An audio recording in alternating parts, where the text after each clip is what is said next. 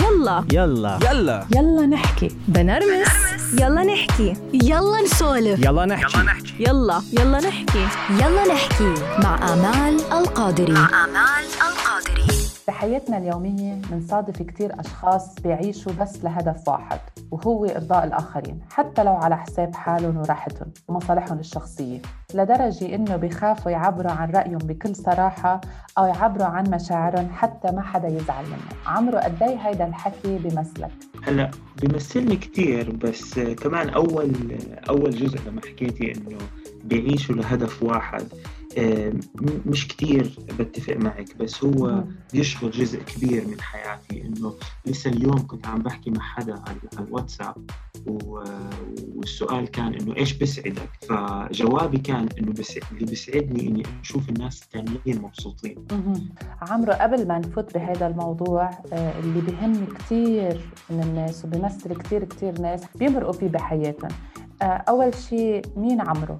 هيك إذا بدك تحكي عن حالك شو بتقول؟ صعب هذا السؤال. صعب الواحد إنه يحكي عن حاله. So, رح أحكي يعني رح أحكي أكثر صفات آه، بتخيل إنها يعني واضحة بشخصيتي. آه، أنا حدا آه، بحاول قد ما قد ما بقدر إني أكون شفاف بكل شيء باللي بفكر فيه باللي بحس فيه بنقاط ضعفي وبنقاط قوتي. أنا حدا ما بنسى. وهذا الإشي بالأول كنت أفكره إنه زي الكل إنه الناس ما بتنسى. بس أنا اكتشفت إنه أنا فعليا ما بنسى. ما بنسى حوار ما بنسى نقاش ما بنسى مواقف صارت معي. واحيانا ممكن تمتد هاي الذاكرة لمواقف صارت معي وأنا عمري ثلاث أو أربع سنين. جزء تتخيلي إنه مستحيل ثلاث أو أربع سنين. فهاي كمان بحسها جزء كتير كبير من حياتي. آخر إشي بحس إنه كمان بحدد شخصيتي كثير إنه هو أنا حدا كثير كونسيستنت إنه لما يكون في هدف بحياتي أو لما يكون في مشكلة بحياتي أو لما يكون في موقف صار بحياتي أنا دائما بشتغل على هذا الموضوع بشتغل يا إما إني احقق هذا الهدف أو إنه هاي المشكلة ما بتروح من بالي. ف ممكن انت تحكي معي مثلا هلأ وترجع تحكي معي بعد خمس سنين وهذا الشيء أنا فعليا لاحظته بحالي آه، رح أكون نفس المواقف نفس طريقة الحكي. وأنا صغير عملت مقابلة مع استوديو الأطفال مع عروض صبح. وكان وكان الموضوع إنه إيش أنت بتحب تصير لما تكبر. وقتها كطفل كنت بحكي إنه بدي أعمل كهرباء من الشمس. فهلا هذا اللي هو بشتغله أصلا؟ مش معناته إنه ما بغير أفكار كانت عندي أو شغلات كانت مغلوطة بس معظم الوقت بلاقي حالي إني بفرح من حالي إنه في شغلات أنا آمنت فيها أو حلمت فيها أو صارت معي بعد خمس أو عشر أو 15 سنة أنا نفس الشخص. بس في شغلة نسيت تقولها عن حالك كمان. هي أنا بدي أعرف فيها عن حالي عنك. انه أنت حدا بيعمل منيح وبكب البحر. إذا في أنا بحكي بس عن تجربتي أنا معك. يعني نحن ما بنعرف بعض بس آه، عرفنا بعضنا من يلا نحكي ومن خلال كمان فيديو مع رانيا. عمر الحلو إنك بتساعد تنصح تعطي فيدباك حلوة بدون شيء يعني هيك عن جد يعني المثل بينطبق عليك إنه اعمال منيح وكب البحر. آه، بس للأسف في عنا شغلة نحن بعقليتنا بالعالم العربي خاصة. لما نشوف حدا هيك كثير منيح بنصير نقول يا الله طب شو بده؟ طب ليش عم يعمل معي أنا هيك منيح؟ إنه طب لوين بده يوصل؟ عرفت؟ إنه شو شو في كان شاب ولا كان مع صبيه ولا كان دائما عندنا هذا الشك. قديش أنت يعني هالشغلة مثلا صار معك شي موقف عالم أنت بس هيك قررت إنك تخدمهم وإنه أوكي أنت شو بدك؟ يعني لو بدك توصل؟ أول شيء شكرا إنك يمكن لاحظتي أو قدرتي هذا الإشي. هلأ يمكن هو المثل إنه بعمل منيح وبكب البحر. أصلا يعني بحس إنه هيك لازم نكون كلياتنا يعني الواحد لازم بالفعل. يعمل شيء منيح. ويتوقع من مردود هلأ جديد أنا صراحة لاحظت هذا الإشي بحالي ولاحظت إنه ممكن مش لاقي مصطلح أستعمله بس ممكن شوي زيادة عن اللزوم هلا هو يعني بعد ممكن نحكي لقدام شوي آه، أكثر إنه كيف كانت رحلة اكتشاف مم. هاي الخاصية فيه صح. بس هو عبارة عن عن مجموعة من, من الشغلات اللي بتأدي لواحد يكون عنده آه، هاي الصفة هلأ واحدة منهم إنه وأنا مش راح أستحي أحكي إنه هذا جزء من شخصيتي هذا. أنا بحب أكون هيك بحب أكون معطاء بحب إني لو أقدر أساعد بأي طريقة ممكنة آه، مش بالضرورة يكون بس آه، بس آه، طريقة مادية إذا بقدر أساعد بكلمة حلوة كلمة ما. راح أقصر فيها. وشيء ثاني كمان دائما الواحد هو عبارة عن تشكيلة من من من ظروف صارت معه وهو صغير ومن شخصيات صارت معه. وهو صغير فأنا الحمد لله بحياتي في كمان هاي الشخصيات موجودة تعلمت منهم منهم أبوي مثلا عنده بتشارك معه بهاي بهاي الشخصية وكمان في حدا كثير مهم بحياتي الله يرحمه اسمه عمر الطبري آه، شخص كمان كان له تأثير كثير كبير يرحمه. بحياتي اللي هو معطاء من غير مقابل. وفي جزء كمان من شخصيتي جديد أنا اكتشفته جديد صرت أقدر أحط عليه نوع من أنواع ال- ال- ال- العنوان أو الليبل اللي هو يعني ما بقدر أنكر إني أنا عندي خاصية people pleasing محاولة كسب رضا الناس فيمكن هدول الثلاث شخصيات كلهم هم اللي بيخلوا الواحد يشوف اللي انت عم بتشوفيه أو اللي اللي انت شفتيه. للأسف بالجهة المقابلة ومش بس بالعالم العربي كمان يعني أنا عايش في بريطانيا وحتى هون بواجه هذا الإشي. أحيانا الناس ما بتشوف غير الإشي الثالث اللي هو محاولة ارضائهم ما بتشوف إنه هذا جزء من شخصيتي ما بتشوف إنه هذا بجوز جزء من تربيتي. آه،. بتشوف إنه محاولة إرضاء ولما ولما الناس أو لما أشخاص معينين آه، آه، توصلهم هاي الذبذبات أو هاي. الفايب آه، ممكن أحيانا بتكون ردة فعلهم زي ما أنت قلتي. إنه إيش المطلوب أو إيش الاكسبكتيشن حدا قال لك إنه مثلا إنه هيدا فيك مش طبيعي يكون حدا عن جد هيك هالقد منيح أحكي لك الصراحة مم. عمري ما سمعت حدا بيحكي عني فيك يعني. أكثر أكثر جملة ممكن الناس بتوصفني فيها إنه أنا حدا كثير جينيون. أو حدا صادق. وهذا الإشي كمان أنا عندي ثقة بحالي إني أحكي إنه أنا حدا هيك ال- الفكرة ال- أو أو أو الفيدباك أو أو الملاحظات اللي بتيجيني هو مش آه، إنه فيك بس أحيانا حبي للمساعدة من غير ما يكون مطلوب مني بيحمل الشخص المقابل حمل معين. آه، يا إما زي كبير. تحميل جميلة أو حمل كبير مم. أحيانا ممكن مثلا يكون في عدم قبول أو رفض لهاي المساعدة لعدة أسباب ممكن واحدة منها إنه هذا الشخص مش عارف إيش أنا متوقع منه فممكن مم. يت- يتوقع إنه أنا بدي على نفس مستوى المساعده أو إذا ساعدته هلأ أو ساعدته هلأ رح أطلب منهم شيء أكبر بالمستقبل. أو حتى يمكن هن مش قادرين يردوا لك آه، هاي الخدمة. يعني كثير في ناس أش... إنه لأ خلص بلاها بخافوا لأنه هن عن جد يمكن آه، بخافوا إنه مثلا أنا يوم من الأيام ما حرد له هيدا الجميل أو هيدا بالضبط. واحيانا كمان بيكون الرفض بسبب هم يعني شعورهم اتجاهي أنا. أكيد ما مم. في حدا كل الناس بتحبه أو كل أكيد. الناس بتتقبله.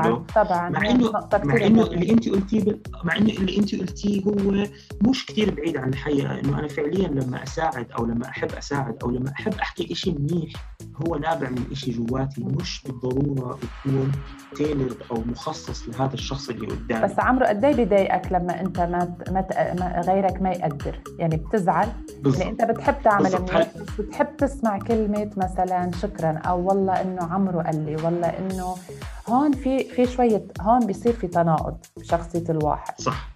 صحيح مزبوط 100% هلأ تذكري الثلاث محاور اللي قلت لك عنهم. إنه هذا جزء من شخصيتي. هذا جزء من ال role models أو الشخصيات اللي أنا بطمح إني أسير زيها أو أكتسب منها مثل أبوي وعمي عمر الله يرحمه وبرضه كمان اللي هو إرضاء الناس هلا أحيانا لما أكون عامل الإشي أو مقدم شغلة تنربط بأول جزئين اللي هو هذا جزء من شخصيتي وجزء من الناس اللي أنا شفتهم أعطوا كثير بحياتهم يكون في تقدير صراحة ما بزعل أو ما بتحس بنفسي قد لما يكون الدافع هو إرضاء الناس.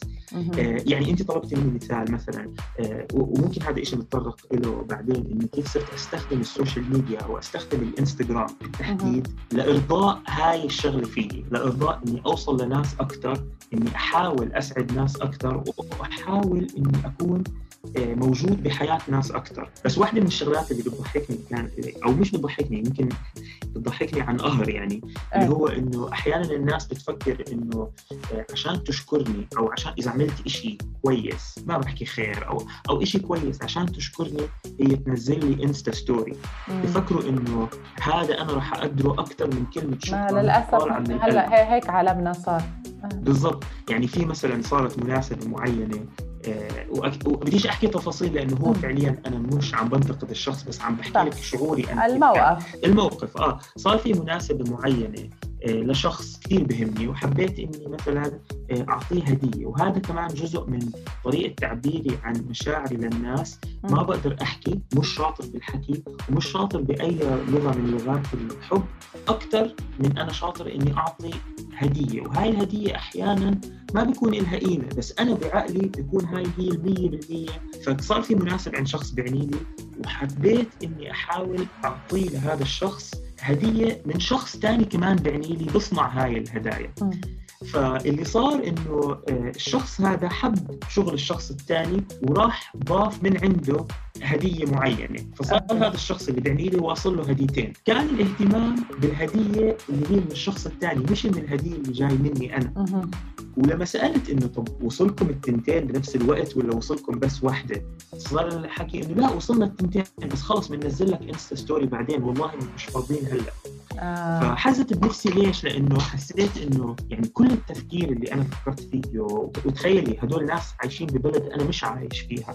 فعبين ما أعمل الطلب وعبين ما أحاول إني أحاسب عليه وعبين ما أضمن إنه وصل بيكون ردة الفعل إنه insta story أو مثلا شكرا مش على قد على قد المجهود إيه بالضبط. ما بلوم الشخص لا ب... لا بلوم الشخص اللي وصل هدية ولا بلوم الشخص اللي بعتها ولا بلوم حدا بلوم حالي أنا لأنه الهدف من وراءها كان إرضاء هذا الشخص أكثر من إرضاء حالي. حتى في. مرة أخذت coaching sessions مع. مدربة يمكن انت بتعرفيها اسمها رانيا الكردي أكيد معروفة. طبعا.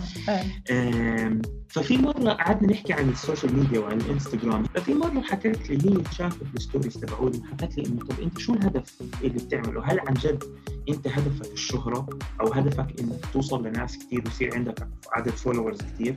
بصراحة الهدف ما كان مش هل- هلأ بحكي لك هدفي مش الشهرة، هدفي إنه يكون في عندي engagement أعلى. أو تفاعل أكثر تفاعل أكثر مع الناس اللي بعرفهم واهلا وسهلا بالناس اللي ما بعرفهم وبصير أعرفهم عن طريق الإنستغرام. بس رانيا حكت لي شغلة حكت لي قبل ما تنزل story اسأل حالك أنت عم بتنزلها عشان تلفت نظر الناس ولا أنت عم بتنزلها عشان أنت بدك تحط هذا الإشي على الإنستغرام نابع من حالك؟ فأخذت معي يوم كامل كل مرة أسأل حالي قبل ما أنزل story هاي عم بنزلها عشان الناس ولا عم بنزلها عشان حالي. بكل مرة بكون الجواب أكثر لا هاي عشان أضحك الناس هاي عشان أسلي الناس هاي عشان أورجي الناس صورة حلوة. قليل كثير ال stories اللي أنا بنزلها عشاني أنا عشان أنا أتفرج عليها وأتفرج على اللي هي تقريبا ال social media المفروض تكون إلى حد ما مرآة لواقعنا. هو لا اراديا نحن بنوصل ممكن كل مستخدمين ال social media لما آه، بنوصل لمرحلة انه بنصير أول مرة بننزل شيء. Okay؟ كان professional ولا كان personal بنلاقي لما نسمع لما نصير يجينا comments و feedback بننبسط وبنزعل إذا نزلنا story مثلا وما حدا عمل reaction عليها. هاي صارت لا اراديا لأنه للأسف هاي الطريقة الوحيدة اللي صارت ال communication بيننا وبين العالم. بس للأسف حلو بنفس الوقت ممكن يكون fake من عالم تانيين لأنه مزبوط إنه okay يلا like إنه كذا إنه هي فهاي هاي مشكلة يعني هاي غير إنه آه، يعني غير إنه الواحد بيكون هو already بحب هالشيء بحب إنه يرضي غيره أو يسمع من غيره وغيره يقدره. مع ال social media للأسف بتصير double بتصير بتزيد صحيح. عليك ال- ال- الزعل وبالضبط وحسيت إنه تتذ- برجع بحكي لك الثلاث محاور. اللي أنا صرت هيك أحاول إني زي مم. كأني أصنف تعاملي مع الناس تحتهم إنه جزء من شخصيتي أو أو جزء إني عم بحاول أقلد حدا أو أكون زي حدا أنا بهمني بحياتي أو إرضاء الناس ال social media كان تأثيرها سلبي أكثر من إيجابي لأنه. كلها تركزت بالمحور الثالث اللي هو إني عم بحاول أرضي الناس والطريقة اللي عم بحاول أرضي فيها إنه أحيانا الناس ما بتنتبه إنه هو فعليا كل اللي بدي إياه إنه إذا حدا بفوت على الإنستغرام تبعي أو بشوف ال stories تبعي كل اللي بدي إياه إنهم يضحكوا انهم. يشوفوا شيء يضحكهم وهذا الشيء كمان صار أصعب وأصعب لأنه أنا ما ما عندي control أو ما عندي تحكم بمود الناس أو بالناس اللي عم صح. ال- المواقف اللي بت- بتصير بحياتهم فأحيانا اللي عم بفوت على ال stories عندي عم بيجي, بيجي بال mood تبعه اللي هو ممكن يكون مش كويس بهاي المرحلة. آه وبدال ما أنا أكون عم بضحكهم فأنا بكون عم بستفزهم. انه شوف هو بإيش وإحنا بإيش. إيه، أو شوف ممكن. هو كيف إنه حياته عم بورجينا إنه حياته رهيبة وكلها ضحك و- وإنه مبسوط ومزح وشوف إحنا كيف عم نعاني. كثير إجاني انت إذا بتسأليني مثلا إيش إجاني comments آه ما كانت عمره ما إجاني comment face to face أو أو بوجهي بس كثير بيجيني comments شبه جارحة واحيانا كثير جارحة على ال social media وللأسف بحس إنه ما بستاهل هيك ملاحظات لأنه الهدف مش سيء. الهدف كان اني بس أضحككم أو اسليكم ما عم باخذ من وقتي كثير لأنه أنا ما عم بعمل إشي خاص لل social media. أنا عم بعيش حياتي زي ما أنا. بس للأسف الناس ما أحيانا تتقبلها ما بتشوفها إنه هاي محاولة لإرضائكم. عمرو خلينا نرجع شوي لورا. إذا بنرجع ل... لطفولة عمرو. أنت قلت إنه آه، والدك وعمك كانوا عندهم هيدي ال- الخصلة إذا فينا نقول إنه دايما بيحبوا يساعدوا الناس. هلا قديش بتحس الطفولة كان لها دور أساسي بحياتك لهي الحب إنك تبسط العالم أو ترضي الناس؟ بس أثرت بعمره كبرت معه لدرجة إنه صارت تأثر عليه حتى هو إذا العالم ما قدرت آه، بيزعل. يعني نحن عندنا. شغلتين هون نحكي فيها. نحكي إنه أوكي أنت خلقت ببيت أو ربيت ببيت متعود فيه على العطاء. هلا ما نحن وصغار ما بننتبه أهلنا كانوا عم يعطوا بس بنفس الوقت عم يزعلوا إذا ما حدا قدر. هلأ أنت وصغير إذا بتتذكر هيك شوي. بتذكر كل شيء. كنت إيه واضح. تتذكر عمرو لما كان صغير كان يزعل أو كان يحاول أو يعمل مجهود أكبر حتى الكل يكون مبسوط منه؟ يعني يكون هيدا الولد انه إنه بدي الكل يكونوا مبسوطين مني حتى على حساب راحتك. بدي بدي هيك تحكي لي عنها. بحب هون عن جد هيك نسلط الضوء على هالشغلة ونلفت نظر الأهل. كيف فينا نحن نلاحظ إنه إذا ابننا دائما عم بفرجينا إنه هو مهم إنه نحن نكون مبسوطين على حساب راحته؟ وهيدي شغلة كثير صعبه هلا مزبوط صراحة بس إنه في كم شغلة هيك حابب أحكيهم وحابب شي يوم إنه يكون في تسجيل اللي أحضره بعدين إني أنا حكيتها. آه، لأنه هو دائما أحيانا الواحد لما يطلع على طفولته آه، أحيانا يعني الشغلات اللي ممكن كانت إيجابية يشوفها بطريقة سلبية والعكس صحيح. بس في كم من موقف أنا حابب إنه يكونوا هيك بذكرياتي أحكيهم عن فكرة العطاء. واحدة منهم آه، عن أبوي. لهلأ ما بنسى لما كان لما كنا في الوقت اللي كنا صغار كنا نركب سيارة واحدة ونوصل على مكان إحنا رايحين عليه على مطعم أو على مول ما كانش في حتى مولات بايامها بس لما نوصل على مكان ويكون في صف قدام مدخل المكان يكون في parking قدام مدخل المكان كنت دائما أتذكر أبوي إنه لا يمشي لقدام شوي بالسيارة يقول إحنا بنقدر نمشي بجوز غيرنا محتاج هذا المكان أكثر منه wow. هذا الموقف أنا عمري ما بنساه لأنه wow. هذا إنسان دائما بيفكر بناس حتى ما بيعرفهم. يعني إذا أنت. عم بتقولي لي مثلا إنه آه، إذا أنا عندي مثلا إرضاء الناس بس هدول ناس بعرفهم. آه، هدول ناس أنا عندي اتصال معهم. فأنت تخيلي حدا زي أبوي بيعمل خير مع ناس هو ما بيعرفهم بيعرف. وما راح يحكوا له شكرا. فهاي واحدة من الشغلات واحدة من المواقف اللي كثير بتذكرها. والشخص اللي حكيت لك عنه كمان كمان بحب إني أتذكره لأنه عمري صراحة ما قدرت أحكي له هذا الإشي. هو حتى مش عمي أخو أبوي هو مم. شخص مهم بالعائلة اسمه عمر الطبري. الله يرحمه. الله يرحمه. كان أهم شيء عنده هو إنه يورجي الأطفال اللي بالعيلة إنهم مهمين. يعطي احترام لكل طفل بالعيلة يسمع كل طفل بالعيلة. أكيد كان كثير معطاء وكان يجيب هدايا ويعطي مصاري للأطفال ولغير الأطفال. بس كان عنده دائما هذا الشيء ما بنساه كان عنده دائما احترام للأطفال. آه، وأنا واحد منهم إنه يعطيه أهمية. هدول الشخصيتين كثير أثروا بحياتي. و... ولما كبرت صرت بدي أكون جزء من هدول مثل مثلهم أو أو شوي منهم. وهدول الاثنين كمان عمرهم ما حسسوني إنه آه، شو ما عملت قليل. بل بالعكس كان دائما في نوع من أنواع الاحتفال بأي إنجاز بعمله. هلا هذا بحكي لك من جزء إيجابي هلا من جزء سلبي أكيد مش إنه الناس اللي ما ذكرتهم يعني كان تأثيرهم طبعاً. سلبي علي آه. بس في كان نوع من أنواع قلة الاحترام لل- للطفل بمعنى إنه أنا كان يمكن أكثر من أكثر الشغلات اللي كنت أحب أعملها إني أضحك الناس. ولهلأ هذا الإشي موجود فيه مع إني أنا شخصية مش كوميدية ابدا بس أحب ألاقي الناس بتضحك يعني وأحاول بكل طرق وعلى فكرة بس بدي أرجع أحكي شغلة إنه مش دائما المشاكل بتيجي بس من الأب والأم. أحيانا الأب والأم آه، ما بيكون لهم أي أثر سلبي إيه، على الطفل. المجتمع والمدرسة وال المجتمع والمدرسة وأفراد العائلة الثانيين كمان. صح آه، 100% يمكن بنلام بنلام الأب والأم إذا شافوا إنه في طفل بالبيت اللي هم مسؤولين عنه طفل مسؤولين عنه ما عم بيوصلوا الاحترام اللي لازم كل طفل يوصله. وبرجع لفكرة إنه أضحك الناس مثلا.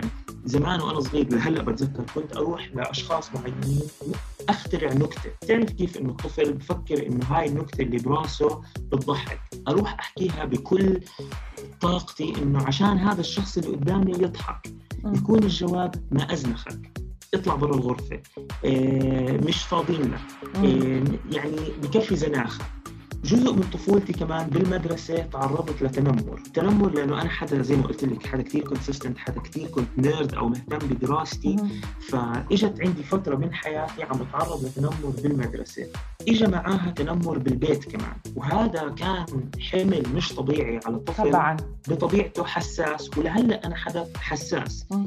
حساس مش معناتها إني بزعل بسرعة، حساس معناتها إني بعرف شعور الشخص هذا اتجاهي،. بعرف لما حدا يكون حابب يضايقني. بعرف لما حدا يكون مش متحملني. فتخيل لطفل إنه يحس إنه لا بالمدرسة متقبلينه ولا بالبيت متقبلينه. فبصير عنده جزء من أنواع الريجكشن أو أو abandonment اللي هو ما عم بحكي لك أنا تم إهمالي من ناحية إنه ما كنت آكل منيح أو أشرب منيح أو أو أروح على أحسن مدارس أو أجيب أحسن علامات. هذا الحكي كله كان موجود بالنسبة لي بس كنت دائما أحب لو يكون عندي بس جزء شوي في البيت إنه حدا يسمعني. حدا يعطيني أنا spotlight أو الاهتمام واهتمام مش إنه أنا يعني مثلا أنا كنت دائما شاطر في المدرسة وعلاماتي كانوا مش تسعة من عشرة كانوا عشرة من عشرة مم. ولما أجيب تسعة من عشرة يكون يعني مأساة إنه وهذا الإشي كان خلص صار بالبيت إنه هذا العادي إني أكون طبيعي. اول على المدرسة بالضبط. هذا العادي وحتى بالنسبة لي أنا أصلا ما كان إنجاز كثير كبير لأني كنت أدرس يعني اللي اللي كنت ادرسه كنت أجيبه بس كان بدي اهت- اهتمام أكثر باللي أنا بدي اقدمه تقدير كان مش بدك غلط. تقدير بالضبط بالضبط مش غلط لما طفل يخترع نكتة مش غلط تضحك له وتفهمه إنه إذا هاي عن جد بتضحك أو لا مش صح. غلط إذا طفل جاي راسم لك رسمة مش إنك تاخذها يعني يعني مش غلط إنك تحكي له رسمتك حلوة. مش غلط كمان إنه لما طفل انه يحاول يكون هو مركز الاهتمام مش غلط إنك تقسم اهتمامك بين كل الأولاد اللي موجودين في هذا البيت. مليون بالمية. عشان ما يطلع يحاول إنه يحصل على هذا الاهتمام من برا. هلأ ما عم بحكي لك إنه كان عندي طفولة مأساوية لا سمح لا الله لا أو طبيعي. أو لا لا عمرو بالعكس ما ما خص هي آه هاي بتبين النقطة الأخيرة اللي قلتها بتبين قديش ما هو الأهل لا إراديا يعني بحكيك أنا كأم. لازم يكون في بالبيت ولد بيكون مريح أهله.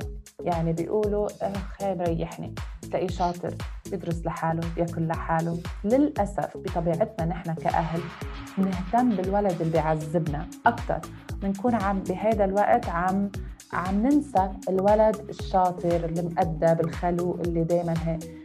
كل أهل بيمرقوا بهالفترة. يعني أنا عندي ثلاث بنات كل وحدة شخصية بس في وحدة منهم بتحسها إنه هي هيك مريحت لي راسي عرفت؟ يعني لاحظت على فترة إنه أنا هم- هملتها يعني عم بهتم بالتانيين لأنه التانيين آه لازم ذكرها دايما قومي ادرسي قومي مثلا ضبطي قومي مثلا اعملي هيك.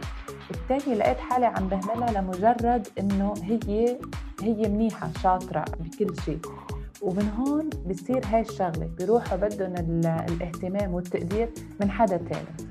بس قبل ما نكمل عمرو خلينا نسمع آه، هون على هذا الموضوع وجهة نظر الكوتش رانيا الكردي. اليوم حنستضيفها معنا ككوتش رانيا الكردي. حكت شيء كتير حلو عن هذا الموضوع خلينا نسمعه ونرجع نكمل كتير من الأشخاص اللي ساعدتهم بالكوتشنج كانوا بيعانوا من رغبة دائمة بإرضاء الناس وبيلاقوا صعوبة كبيرة إنهم يقولوا لأ لأي طلب من قريب أو غريب بحياتهم.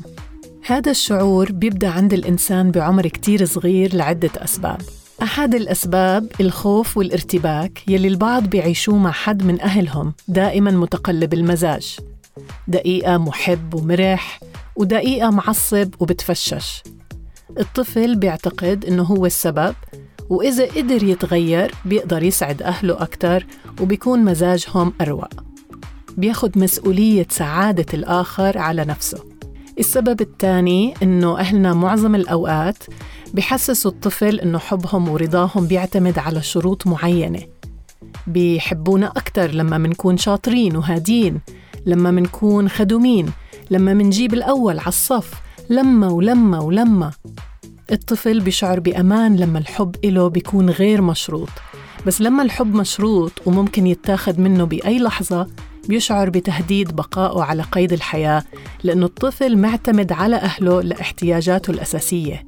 فالطفل بتعلم على البكير كيف يتنبأ ويقرأ شعور ومزاج الآخر عشان ما يزعله وما بيعود يدرك شو بيبسطه وبيريحه هو لأنه سعادته هلأ صارت تعتمد على إذا الآخر سعيد. لما إرضاء الآخر بصير لا إرادي عند الواحد بيكون معرض أكثر لجذب أشخاص نرجسيين أو أشخاص مؤذيين عاطفياً أو جسدياً بحياتهم. والخطورة الأكبر لما المتحرشين بيستغلوا أطفال اتعلموا إنه يرضوا الجميع وما بيحكوا لا حتى ما يزعلوا الأكبر منهم. بس اعرفوا إنه حاجتكم لإرضاء غيركم قبل نفسكم دائماً هي نتيجة حاجتكم بوقت ما في ماضيكم. إنكم تحموا نفسكم. لتلاقوا acceptance وقبول ومحبة لأنه بقائكم كان بيعتمد عليه. ومع المساعدة والوعي تقدروا تغيروا هذا الطبع خطوة خطوة وتلاقوا حرية جديدة بحياتكم.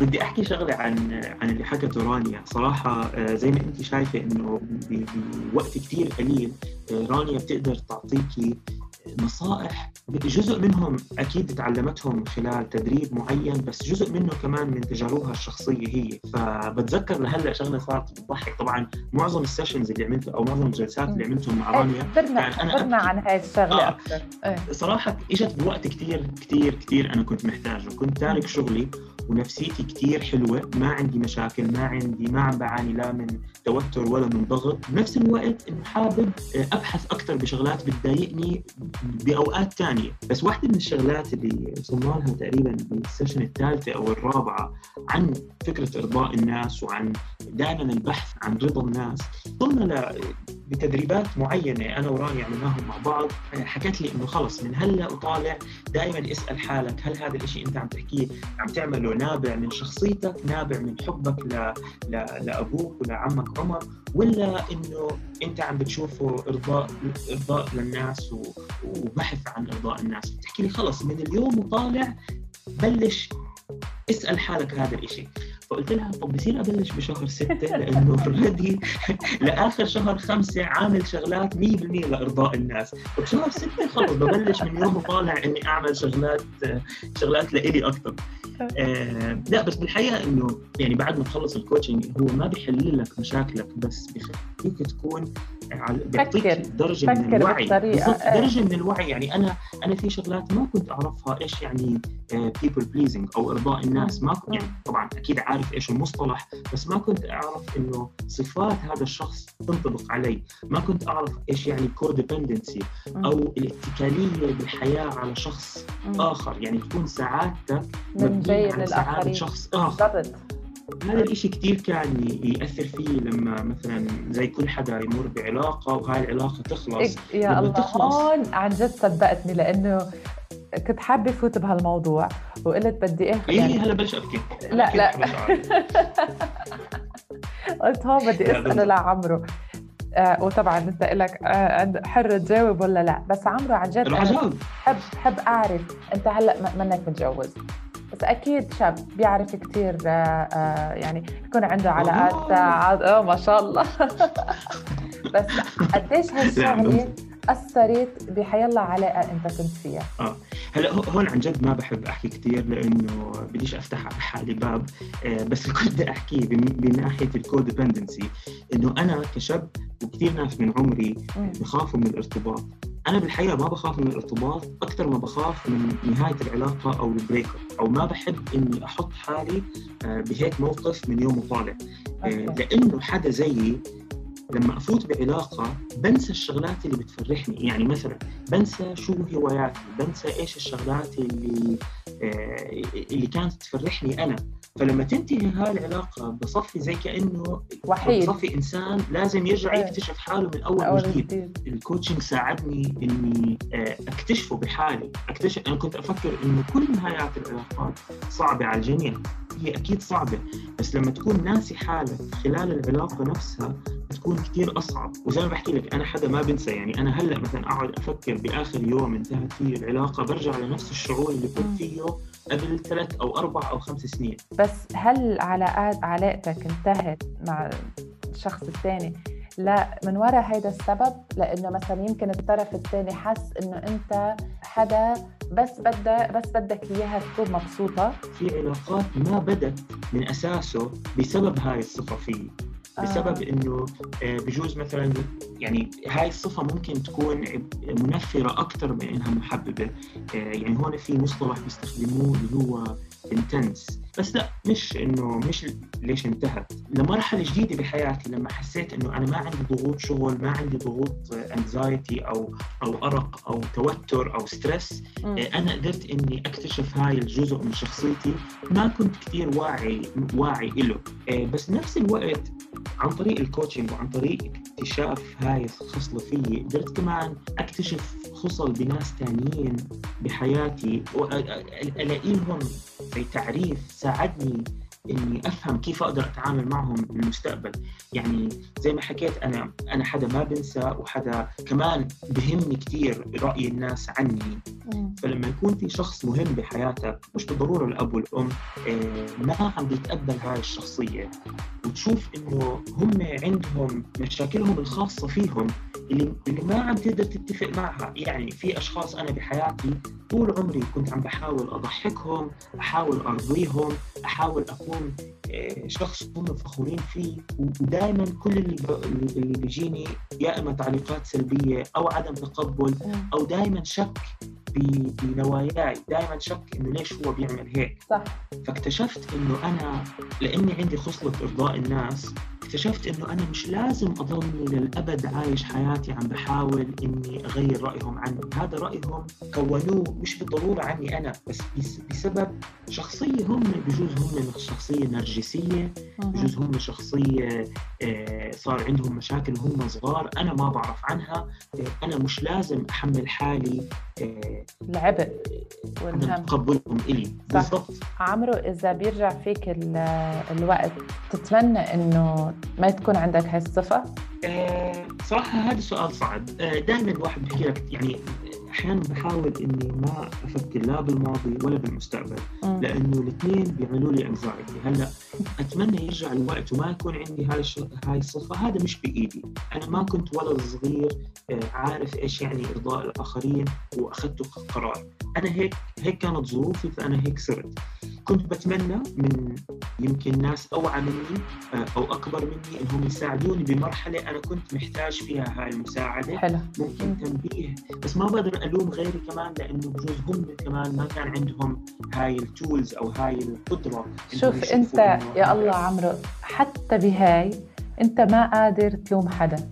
يعني حتى بهاي الشغلة اللي هي ما فينا ننكر إنه كان لازم كانوا انتبهوا وكانت يعني هن جزء كبير. بغض النظر كان الأهل ولا المحيط ولا المدرسة ولا شو ما كان بس شوف شخصيتك قد إيه عن جد بتبين إنه أنت حتى بهاي ما بدك تلوم حدا هي حلوة بس بتخيل بنفس الوقت. ممكن بس لما لما حدا يعيش حياته عم بلوم غيره وهذا كمان على فكرة شيء حكيت فيه بالكوتشنج هو عم بهرب من الواقع. يعني يعني أنا ما لازم ألوم غيري عشان يجوني هم معتذرين أو أو أو أو أو يتغيروا. م- ما حدا بيقدر يغير حدا بس أنا ممكن ألوم حالي من هلأ وطالع إذا لساتني عم بكرر نفس المواقف ونفس 100% نفس الطريقة لأني أنا عارف هاي المشكلة. فبلوم حالي ما اشتغلت على حالي إني أول إشي أحاول قد ما بقدر أتخلص منها. أنا ما بدي أتخلص من جزء كبير من شخصيتي. يعني أنا لما بدي آه، أكون عطاء أو لما بدي أكون خدوم أو لما بدي آه، آه، أعمل إشي أحس إنه رح يفرح غيري ورح يفرحني. ما رح أوقف حالي بس رح أوقف حالي من إنه يكون عندي اكسبكتيشن أو توقعات من كيف هذا الشخص رح يتقبل هاي المساعدة أو هاي الصفة فيي و- وراح أتخلص كمان أو أحاول أشتغل حالي إني أتخلص من إني أستنى رأي الناس فيي لما يكون لما أكون أنا عارف حالي إيش وأنا ليش هيك بتصرف أو أنا ليش هيك بحكي. رأي الناس بالأخص الناس اللي كنت أفكرهم مهمين بحياتي ببطل له كثير أهمية. لنقول عمرو تجوز وصار عنده أولاد لقيت ابنك عم بي بيحاول يعمل مثلك بصراحة بتحاول تحط حد يعني بتحاول إنه تقول له لأ لأ بدك توقف لأنه حتتعب. كمان سؤال صعب ومن أكثر الأسئلة اللي بتستفزني لما حدا يسألني مثلا آه، إيش لو طلع ابنك هيك أو لو طلعت. بنتك هيك أو لأنه كثير سهل إنه ننظر إنه أكون أنا مش بال مش بال بالموقف وأصير أنظر إنه أنا لو اب رح أعمل هيك أنا لو لو. عندي أولاد صح. رح أعمل هيك هو بالحقيقة يعني طول ما أنا ما عشت هذا الموقف كثير صعب إني أحكي لك رأيي بس في إشي أنا أخذته وهذا على فكرة أنا واحدة من الشغلات اللي بعملها وبستمتع فيها إنه أنا باخذ آه، كورسات ب prospective parents يعني مم. الناس اللي راح يكونوا بالمستقبل أو بيحبوا أهل. يكونوا بالمستقبل حلو. أهل. شو لي- لي- ليش ما نبلش نتعلم منها هلا؟ برافو. واحدة من الشغلات اللي تعلمتها أو حابب إني أطبقها إني ما راح أحكي لابني لا أو لبنتي لا على أي شيء. على أي شيء أنا عارف إنه ما راح يأذيهم لأنه بالنهاية زي ما أنا عشت حياتي وعشت آه، ظروفي وطلعت أنا الشخصية اللي أنا هي أنا عليها هلأ بدي ابني وبنتي كمان يصح لهم هاي الظروف. بس ممكن أحاول إني أحمي ابني وبنتي من من أشخاص أو من من ظروف أو من بيئة تحاول تستغل هذا الإشي فيهم. بس دائما لازم نعرف إنه لما يكون في عندك طفل بالبيت لازم تعطيه احترام إنه يورجي شخصيته إنه يعبر عن شخصيته وإنك تقدر تحاول تقول له لا وآه على أفعال مش على شخصيته. يعني إذا هو طلع هيك فهو خليه زي ما هو. بس إذا كان عم بيعمل أفعال أو عم بنعمل قدامه أفعال أنا مش راضي عنها هون رح أحكي لا. حلو. وشو عمرو؟ بتقلي كمان إنه بأول الحلقة إنه ملبك ومش عارف إذا رح تقدر تحكي ولا لا. يعني إذا هيك ملبك وهيك عم تحكي كيف لو إنه مش ملبك؟ هلا هو أنا هيك كثير ملبك عمرو عن جد أنا بدي أشكرك كثير كثير كثير وبعرف إنه أنت هي أول مرة بتحكي بهيدا الموضوع. الموضوع حلو مشاركتك مميزة. كيف هيك حكيت عن كل شيء من طفولتك لهلأ؟ كيف هلأ قدرت إنك تعطي الصورة كاملة عن هذا الموضوع؟ عن جد يعني الشخص المناسب للموضوع المناسب عن جد. شكرا. آه حكيت شغلات صراحة شغلات ما كنت مفكر إني رح أحكيها آه بس كمان في شغلة ثانية تعلمتها إنه آه بكل شيء على الميديا سواء فيديو أو بودكاست أو. أو آه insta story صرت أحاول إني أحكي الشغلات اللي أنا رح أحب أسمعها بالمستقبل بتمنى تكون مسلية ومفيدة لناس ثانيين بس أنا كمان حبيت إنه مثلا أرجع أتذكر شغلات وأشخاص مهمين كانوا بحياتي وأسجلهم بالمستقبل ممكن زي ما أنت حكيتي أسمعها لأولادي أو أنا أسمعها إيه إيه وأشوف عن إنه هل أنا لساتني على نفس ال- الوعود ونفس الأفكار اللي كنت حاكيها وواعدها لش- لحالي قبل عدد معين من السنين أو تغيرت. فشكرا لك لهي الفرصة كمان. بتعرف شو عمرو؟ يعني دايما نحن لما دايما نقول إنه هي هذا الشخص بحب إنه يرضي غيره أو يخلي العالم كلها مبسوطة منه دايما بناخذها بشكل سلبي. بس والله عن جد ومش مجاملة فيك بس اليوم بشخصيتك وبالأشياء أنا شخصيا اللي صرت أعرفك فيها أكثر وهيك أنت واصل لمحل عن جد كثير حلو. يعني كيف أنت بتحب غيرك ينبسط ويكون مبسوط وتضحك غيرك بس بنفس الوقت عم بتحاول تحمي حالك. فمش غلط إذا نحن بنخلي غيرنا يكون مبسوط ونفرح غيرنا ونخدم غيرنا وإذا قادرين نخدم ليه ما بنخدم؟ إذا قادرين نعطي كمان ليه ماديا معنويا ببسمة بكلمة بكل هالأشياء. بنفس الوقت نحن نحمي حالنا نعرف كيف نحمي حالنا وهينا بعالم مفتوح صار فينا نتعلم صار فينا نساعد حالنا. بينت على إيجابية هذا الموضوع أكثر بكثير من إنه صفة سلبية. شكرا شكرا من القلب على هالحديث كله هيك كله سوا. شكرا لك يلا نحكي. يلا نحكي مع آمال القادري. مع آمال القادري.